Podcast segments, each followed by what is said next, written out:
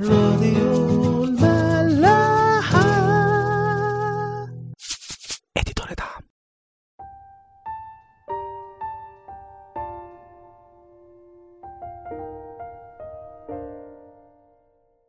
أهلا بيكم في حلقة جديدة من عيش وملح. امبارح كنا بنتكلم على صمويل لما كان قاضي. كان كل سنة بيلف في كل حتة عشان يخدم. في بيت إيل والجلجال والمصفاة. وبعدين يرجع بيته في الرامة ويكمل خدمة هناك. ولاده يوئيل وأبية ما طلعوش زيه خالص. هما الاتنين كانوا صحيح قضاة على شعب إسرائيل لكنهم مالوا ورا المكسب وأخدوا رشوة وعوجوا القضاء. فاجتمع شيوخ إسرائيل وجم لصمويل في الرامة وقالوا له أنت خلاص كبرت في السن وولادك ما مشيوش في طريقك. ويكملوا ويقولوا فاجعل لنا ملكا يقضي لنا كسائر الشعوب. ومن هنا ينتهي عصر قضاة ويبتدي عصر الملوك. زي ما إحنا عارفين من وقت آدم لغاية خروج شعب إسرائيل من أرض مصر بقيادة موسى وبعديه يشوع ربنا كان هو الملك والقائد الوحيد للشعب. بعد كده طول عصر قضاة الشعب كان بيغلط ويسيب ربنا ويروح يعبد آلهة تانية فينهزم قدام أعدائه. وربنا يبعت لهم قاضي يخلصهم ويحل مشاكلهم. بس برضه هو الوحيد اللي كان وقتها ملك وقائد عليهم. هنا الشعب بيبدأ يطلب من صمويل ملك أرضي. وحجتهم إن ولاد صمويل طلعوا قضاة مش كويسين. يقولوا لصمويل هات لنا ملك علينا زي بقية الشعوب. الشعب كان بيصلح غلط بغلط تاني أكبر منه. هو كان شايف إنه بكده بيرفض خطية ولاد صمويل اللي بيرتشوا ويعوجوا القضاء. بس كان معمي خالص إنه بيعمل خطية أكبر. الشيطان خلاهم يصدقوا ويبقوا مقتنعين إن اللي بيعملوه ده خير. تلاقيهم فكروا وقالوا ولاد صمويل بيغلطوا. فإحنا نصلح غلطهم ونجيب واحد يظبطنا ويتملك علينا. في آية بتتعاد مرتين في سفر أمثال إصحاح 14 و 16 بتقول توجد طريق تظهر للإنسان مستقيمة وعاقبتها طرق الموت. الشيطان كتير بيفشل إنه يوقعنا لما الخطايا اللي قدامنا بتبقى ظاهرة وواضحة فيحاول يزينها ويجملها بأي شكل لدرجة إن هو ساعات بيخلينا نشوف حاجة غلط وكأنها صح ومقنعة تماما. الكلام ده كنا اتكلمنا فيه كذا مرة قبل كده في عيش وملح. لو تفتكروا في مرة إدينا مثل المسيح اللي الشيطان جربه بآيات من الكتاب ومعظم الهرطقة كانوا بيأمنوا بالسيد المسيح. بس بدأوا يفسروا كلام الكتاب بطريقتهم هم وبذاتهم بعيد عن روح ربنا. أيوب كان بار في عين نفسه. كان شايف إن هو ليه حق وربنا ظالم. ولو كان كمل في طريقه ده والمصايب ما جاتش عليه ما كانش هيختبر ويتلامس مع ربنا حقيقي. كتير كمان بنبرر الغلط لأننا شايفين إنه وسيلة لحاجة كويسة في الآخر أو عشان نخلص من غلط تاني. يعني حد ظلمني أو أذاني فما بقاش غلطان لو أنا رديت ليه الأذية والغلط. والآية اللي بنمسك فيها على طول في المواقف دي بقدر طاقتكم سالموا جميع الناس. يعني أنا لو طاقتي مش جايبة ما أقدرش لا سلمه ولا أحبه. شعب إسرائيل قال لصمويل جيب لنا ملك تاني زي بقية الشعوب. يعني أنتوا عايشين أحرار وعارفين إن إلهكم كلي القدرة خرجكم من مصر وعداكم البحر الأحمر. وقعد يقودكم أربعين سنة بعدها في البرية وأنقذكم من كل الأعداء اللي جت عليكم. ومع كل ده دلوقتي بتقولوا إنكم عايزين ملك أرضي. وكأن الملك السماوي مش مكفيكم ومالي عينيكم. إزاي تفكروا إن ملككم الأرضي هو اللي هيخلصكم وينقذكم من أعدائكم ويقودكم بعد كل اللي شفتوه من ربنا؟ إزاي تحطوا املكم في إنسان؟ يقولوا لصمويل اعطنا ملكا يقضي لنا. بما معناه إن القضاة اللي من عند ربنا ما ينفعوش. وحجتهم كانت إن ولاد صمويل كانوا أشرار. نسيوا بقى جدعون وشمشون ودبورة وصمويل وكل القضاة اللي نجوهم قبل كده. وده طبعا كان بمعونة ربنا مش عشان قوة القضاة دول. يمكن كلنا نستغرب شعب إسرائيل والتصرفات اللي كان بيعملها. بس خلونا نفكر في نفسنا شوية وبالذات في الوقت الصعب اللي إحنا فيه ده.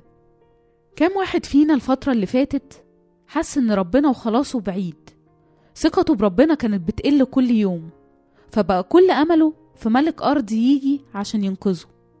للأسف في الأوقات دي بننسى كل قصص الكتاب المقدس اللي بنسمع عنها وبنقولها وحتى كل الاختبارات اللي عدينا بيها مع ربنا بننساها زي ما شعب إسرائيل كان بينسى.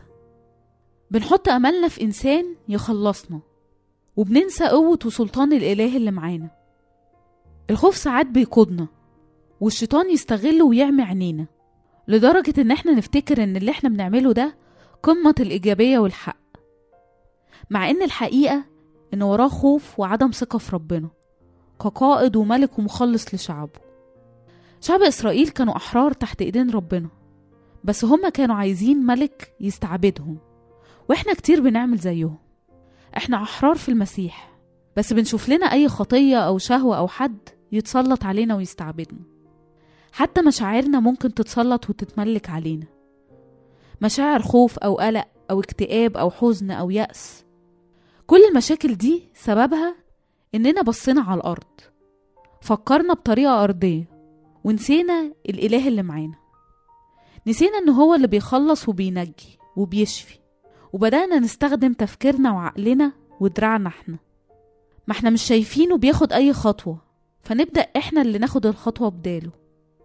قضاة شعب إسرائيل ولاد صمويل وحشين وربنا ما تصرفش وشالهم. فنجيب إحنا ملك غيرهم. لا بقى نصلي ولا نشوف رأي ربنا إيه مادام هو ما خدش الخطوة ناخدها إحنا. كأنهم غيرانين وخايفين على شعب ربنا أكتر منه هو شخصيا. بيساعدوه عشان هو محتاج مساعدة. مش عارف يتصرف لوحده. هو شيوخ إسرائيل ممكن قوي نيتهم تكون سليمة وغرضهم يكون كويس بس كانوا ناسين حاجة بسيطة قوي إن ربنا معاهم وملك عليهم. صمويل أول ما بيسمع كده هو اللي بيروح يصلي لربنا على طول. فربنا يقول له اسمع لصوت الشعب في كل ما يقولون لك لأنهم لم يرفضوك أنت بل إياي رفضوا حتى لا أملك عليهم. حسب كل أعمالهم التي عملوا من يوم أصعدتهم من مصر إلى هذا اليوم وتركوني وعبدوا آلهة أخرى. هكذا هم عاملون بك أيضا. فالآن اسمع لصوتهم. مش معنى إن ربنا سايب الدنيا تمشي وسايب الناس أحرار بيحصدوا نتيجة اختياراتهم؟ يبقى هو موافق على الاختيارات دي من الأول. هو مدينا حرية. المهم إحنا هنستخدمها إزاي؟ هنستخدمها وإحنا معاه تحت إرشاده؟ ولا الحرية دي هتخلينا نستعمل مخنا وتفكيرنا ودراعنا؟ وبعدين تخيل واحد بيديك كل حاجة بيديك بركات وخلاص وحرية وانت تقول أنا هسيبه وتروح لواحد تاني ما عندوش أي حاجة يقدمها لك غير وعود فارغة.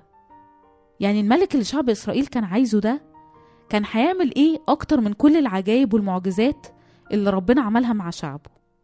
هنشوف بعد شوية الكلام ده مع بعض. وإزاي سوء اختيار الشعب الشاول هيعمل إيه؟ كتير قوي بنعمل مع ربنا نفس الحكاية. دريانين أو مش دريانين.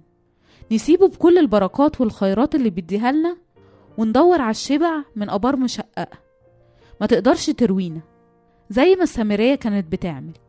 ربنا في سفر أرمية الإصحاح التاني يقول لأن شعبي عمل شرين. تركوني أنا ينبوع المياه الحية لينقروا لأنفسهم أبارا. أبارا مشققة لا تضبط ماء. يعني بنقع في حاجتين بنسيب ربنا وندور له على بديل. الشعب كان محتاج ملك أرضي وما كانش دريان إنه بكده بيطلع الملك السماوي من حساباته. أنهي اللي محتاجينه أكتر خلاص مادي ولا خلاص روحي؟ اوعى احتياجاتنا الجسدية تخلينا ندور على حلول جسدية. تبقى زي الملوك وتتسلط علينا. خطية أو حد أو شهوة ونحس إن إحنا ما نبقاش محتاجين للملك الروحي وقتها. كده يبقى احتياجاتنا الجسدية غلبت احتياجاتنا الروحية واللي بيسود علينا فعلا هو الجسد مش الروح. ومفيش أي حاجة اسمها بين البينين اوعى تحاول تمسك العصاية من النص. يا إما المسيح هيبقى مصدر خلاصك يا إما أي إله تاني أنت تحط عليه أمالك. شخص مال شغل ذات. مستوى اجتماعي معارف الليستة ما بتخلصش. راجع نفسك وشوف مين فيهم اخترت إنه يملك عليك.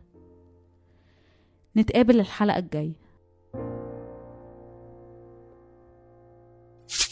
راديو ملاح.